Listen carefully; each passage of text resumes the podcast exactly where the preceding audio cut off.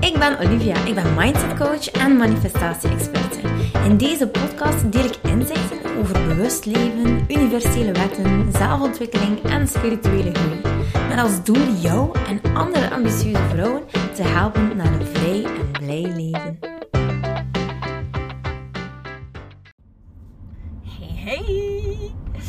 Ben zo blij dat je luistert. Dankjewel, dankjewel. Ik ben daar echt super dankbaar voor. En ik voel mij ontzettend vereerd om, ja, om dit gewoon met jou samen te mogen doen.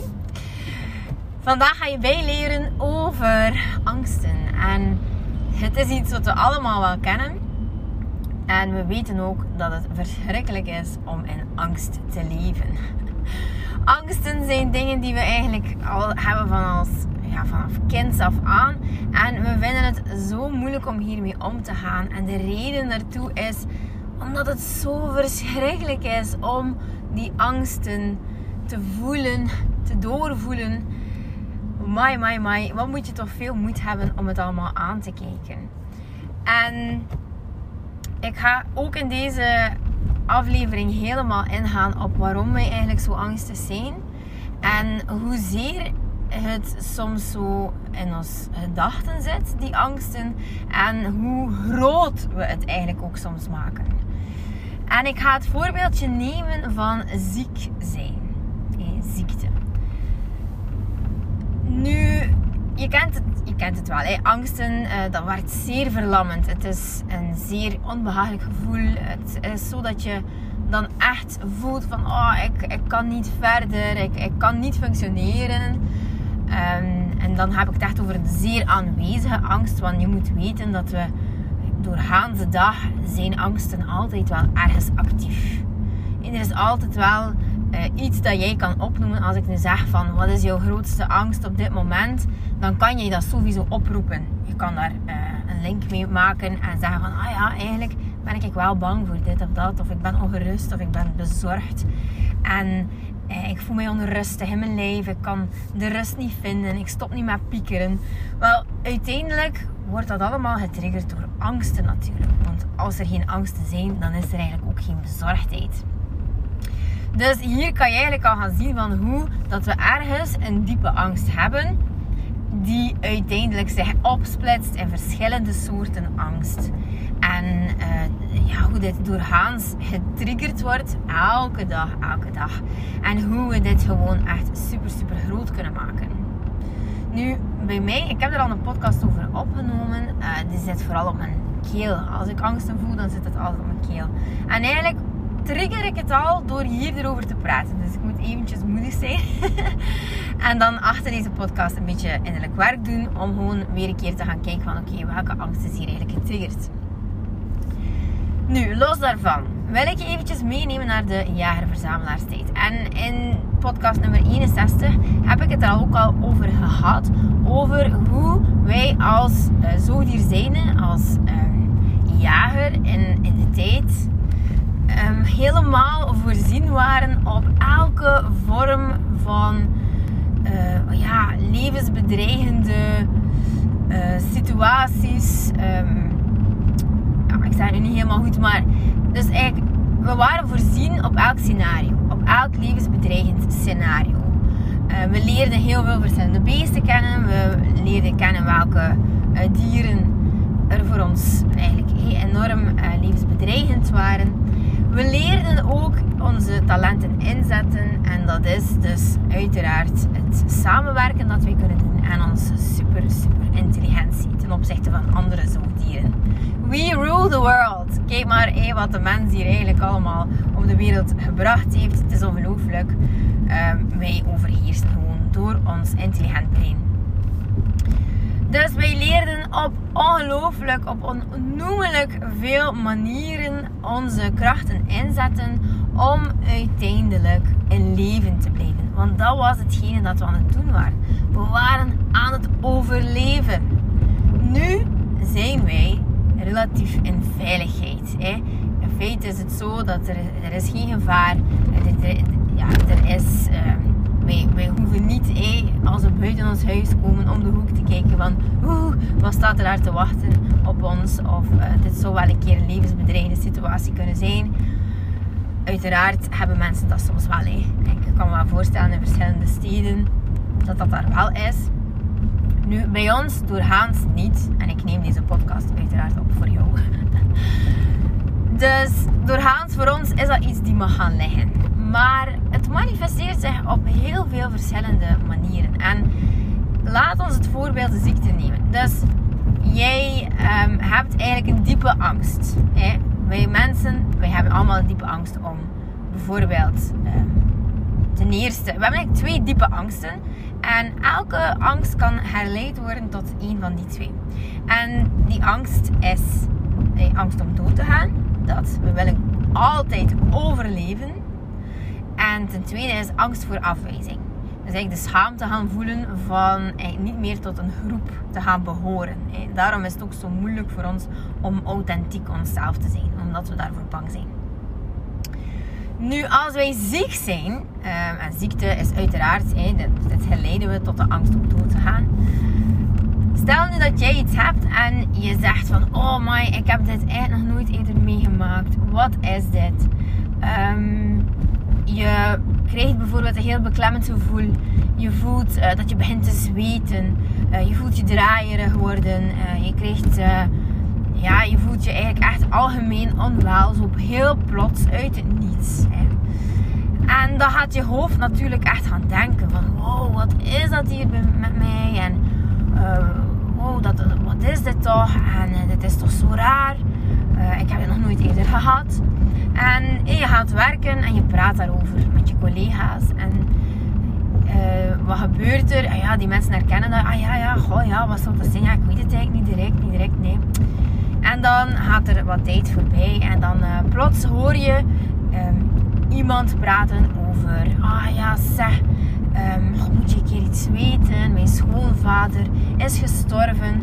En Amai die had zo echt een algemeen gevoel van ja, onwelzijn. Heel plots, allee, die, die vent was kern, kern gezond. En oh, het is toch ongelooflijk uh, die, hartinfarct. Ah ja, wat had ik dan eigenlijk als symptomen? Uh, symptomen? Ah ja, de symptomen waren uh, ja, um, plots draaierig worden en zweten, um, ja, bleek worden. En wat gebeurt er in je hoofd? Onmiddellijk leg je de link van, hé, hé, hé, wacht, wacht, wacht. Ik heb dit ook gehad. Oh my god. En die meneer is eigenlijk gestorven aan zo'n jonge leeftijd. Die schoonpapa en amai oei, oei, oei. En dit kan wel een keer, oh, dit kan wel bij mij ook een keer gebeuren. En oké, oké. Weet je, je zegt, ik ga gewoon een keer naar de arts gaan. Ik ga gewoon naar de arts gaan. En je gaat naar de arts en de arts zegt, ah ja, maar eigenlijk is het oké. Okay. Um, dat gaat waarschijnlijk een suiker dip geweest zijn. Of hey, het zou wel kunnen zijn, moest je dan niets gegeten hebben, dat je dan eigenlijk echt zou gaan flow vallen. Dus wees je daarvan bewust. Maar kijk, we gaan je bloed trekken en we gaan kijken naar je waarden. En over het algemeen is alles wel in orde. Oké, dus je krijgt die uitslagen en je zegt: Oké, weet je, er is niets aan de hand. De dokter heeft mij bevestigd dat er niets aan de hand is. Dus voilà, ik, ik ben weer gerust voor een bepaalde periode. En dan opnieuw komt dat voor. Ah, opnieuw. Oh nee, nee, nee. Wow, ik, ik, uh, ik, ik, voel me vrij slecht. En wow, en wat is dit hier? En ik heb het weer. En oh nee, en er gaat toch echt niets mis zijn met mij. Want die meneer had dat ook. En die heeft een hartinfarct uiteindelijk gehad ik moet een dokter zien, ik moet een dokter zien. Dus wat er eigenlijk gebeurt is dat jij een angst gecreëerd hebt rond die symptomen die, die je had ervaren, die in principe hingen over een suikerdipje, maar die telkens geassocieerd worden met een soort van case, een soort van situatie die heel ernstig was, die iets gedaan heeft met jou en die enorm, enorm veel angsten heeft veroorzaakt. Dus zo worden angsten enorm, enorm groot gemaakt in je hoofd, terwijl het hier eigenlijk gaat over een suikerdip. En wat zijn we dan eigenlijk aan het doen? Ja, dit gaat gewoon levenslang mee. Want het zou kunnen zijn dat jij dan nee, naar, uh, als dan nog een keer voorvalt, nog een keer naar de dokter gaat. En nog een keer naar de dokter gaat. En eerlijk, ik ken eigenlijk wel veel mensen. En misschien ken jij ook wel iemand in jouw buurt die, of in jouw omgeving die voor het minste naar een dokter loopt. Die oh, zo bang is en die van de ene specialist naar de andere gaat. En een second opinion en een bla bla bla. En dan nog naar een osteopaat en dan nog naar dit. Uh, maar dat is eigenlijk dan continu leven in angst. Terwijl we wel een keer mogen gaan kijken van oké, maar waardoor komt die angst? En hoe is dat daar gekomen? Wat is de trigger iedere keer dat ik in mijn angst schiet? En hoe kan ik daar eigenlijk anders gaan naar kijken? Wat is het effectief? En wat ik je nu vertel, dat soort van uh, verdiepen daarin, in die situatie, is eigenlijk iets die um, bewustwording creëert daar rond.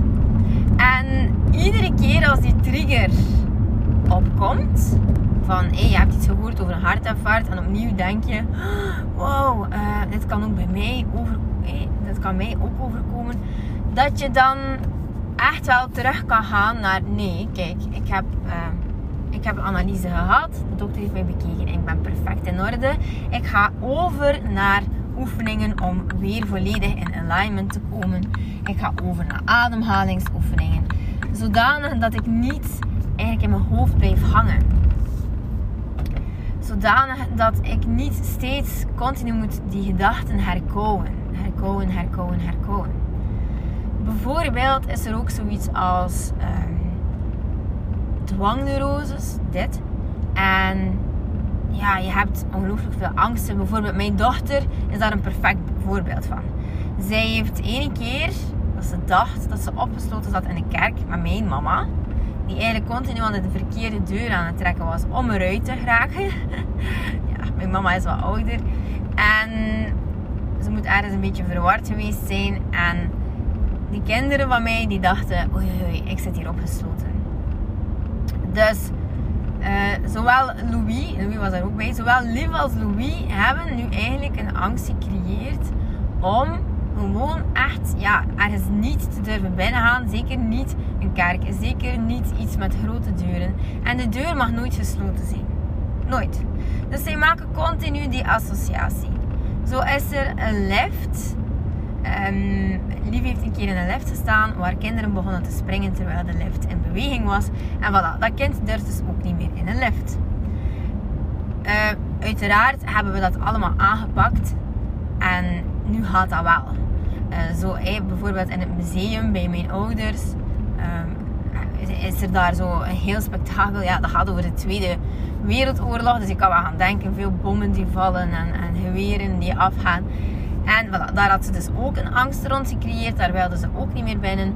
Tot zelfs dat we het hadden over um, als mijn ouders ze gingen ophalen, dat ze niet met een bepaalde auto, een oudere auto, sondern meer een camionetachtig iets, um, de kinderen mochten gaan afhalen. Gewoon omdat het zou gaan ontploffen. Ze had een keer iets eng meegemaakt in de auto.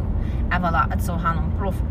Dus zo zie je dat ze ongelooflijk veel dingen gaan associëren. Dat ze eigenlijk continu getriggerd worden. En de enige manier om uiteindelijk van die angsten af te geraken, van zo'n angsten dan, is het gewoon opnieuw gaan doen. Ik heb er keihard veel tijd in geïnvesteerd om met hen terug in een kerk te gaan zitten. Ik heb keihard veel tijd geïnvesteerd om terug met hen liften te gaan doen. Ik kan, uh, ja, de auto is nog iets dat een probleempje is. Maar voor de rest is, is alles opgelost. En dat is gewoon door uiteindelijk jouw brein ook te gaan doen inzien dat er eigenlijk geen gevaar is. Dat het puur een gedachte is, een luchtbel, die uiteindelijk mag doorprikt worden, want er is geen gevaar. Het is het instinct die eh, in actie schiet, maar er is geen gevaar. Dus het is actie, actie, actie ondernemen. En voilà. Om eigenlijk met die angsten om te gaan. En het is echt wel een relief om ah, toch niet meer zo in die angsten te gaan zitten. Dus dit zijn eigenlijk twee verschillende soorten angsten. Uh, nu, wat je leert eh, qua technieken om hiermee om te gaan. Want uiteraard is het zo dat uh, het moment dat je die angst hebt en dat je helemaal wordt overgenomen door die angst. Dat kan zelfs heel ver gaan. Hè. Dat kan gaan tot uh, flow vallen, dat kan gaan tot ehm, ja, hyperventileren zelfs. Dus het moment dat je dat aan het doen bent, dan is het eigenlijk een beetje te laat om al uh, oefeningen in te zetten. Uh, het is zo, niet om ze in te zetten, maar om ze aan te leren. Dus in principe zou ieder mens toch iets moeten hebben, een oefening om op de rug te vallen vanaf dat er angsten zijn. Zodanig dat je weet van, oké, als ik dit doe, dan ga ik niet in mijn angst. Dan kan ik echt wel gewoon bij mezelf blijven en kan ik mezelf rustig maken, omdat ik ervoor kies om de angst niet te laten spreken. In de zin van, je hebt een Hans orkest aan stemmetjes in je hoofd. je hebt de optimist, je hebt de pessimist, je hebt de neerslachtige, je hebt de Norse jij, je hebt de um, gepassioneerde jij, maar je hebt, oh, je hebt de, de boze jij, je hebt de, ik kan het zelfs nu niet allemaal opnoemen, maar je moet weten dat iedere keer als er zich iets voordoet, dan heb je een heel orkest aan stemmetjes die uiteindelijk um, ja, jou iets willen vertellen. En dat is allemaal heel tof, maar jij beslist wie uiteindelijk de dirigent is van de orkest. Jij beslist het. Jij beslist wie de stok neemt. En als de angst gaat spreken, dan zeg jij: Ja, dankjewel, ik neem de stok eventjes over. Je hebt daar waarschijnlijk wel een mooie naam voor. Ik kan er nu niet precies op komen hoe dat heet. Als het jou te binnen ziet, mag je me zeker vertellen. Dus ja, wie neemt de stok over? Wie neemt de leiding over? En dat is eigenlijk al een eerste oefening. Zo van wow, weten dat jouw gedachten, die angst, die in feite zo effect heeft op jouw lichaam, daar gewoon bewust van worden en zeggen van kijk, ik weet dat je er bent, je bent een angst. De angst is in principe niet reëel. Ik ga nu eventjes gewoon naar mijn ware zelf, naar mijn buikgevoel luisteren en me concentreren op mijn buik en zo gaan ademen. Nu is de bedoeling dat je dus echt op zoek gaat naar een techniek die echt voor jou werkt. Want er zijn heel veel verschillende technieken en mindfulness oefeningen die je kan gaan toepassen. Maar het is wel heel fijn als je weet, ah, dit werkt echt voor mij. Als ik dit doe, dan is het super fijn. Bijvoorbeeld, ik ga dan zeker essentiële olie gaan inzetten. Zeker bij mijn kinderen. Um, ja, ik ga dat gewoon helemaal gaan inzetten. Um, bij mezelf natuurlijk. Om gewoon echt wel te gaan vibreren op een andere frequentie. Voilà, dit gezegd zijn, hoop ik dat je heel wat hebt opgestoken over angsten en hoe je ermee kan omgaan. Uh, oefeningen daaromtrent leer ik je aan in verschillende trajecten. Dus uh, voilà, uh, zo weet je dat ook. mediteren helpt echt voor mij. Ademen, hè. gewoon echt ademen. We ademen doorgaans veel te oppervlakkig. Dus bij deze, misschien moet je nu er een keer gebruik van maken om een keer heel diep in te ademen. Via je neus. En hou eventjes vast. En helemaal los. Voilà. en je mag dit nog een paar keer doen. En um, probeer ook echt te zuchten. Ik weet dat klinkt niet zo aangenaam als hey, dat je het zo wegblazen. Zo. Want dat blazen doet niet zoveel. Als je echt gaat zuchten, dan voel je ook dat het van veel dieper komt. Dan is de ontlading groter en ga je echt spanning uitademen. Dus echt zo. als dat een tip mag zijn. Voilà. Lieveling, dankjewel om te luisteren. Het is me een eer om voor jou gewoon uh, een podcast aflevering te maken. En ik hoop uh, dat je erbij blijft, want er komt nog zoveel meer. Dankjewel, doei! Lieveling, dankjewel dat je luistert. Ik ben blij dat je erbij was. Mag ik je alsjeblieft vragen in ruil voor deze gratis content mij wat sterkes te geven op Spotify of op iTunes? Of stuur je bevindingen door per DM op Instagram. Zo help je mij om andere vrouwen te helpen om hun weg te vinden naar het vrij en blij leven. Ik hoop dat je er de volgende podcast weer bij bent. Ik ben je eeuwig dankbaar. Tot dan. Dikke kus.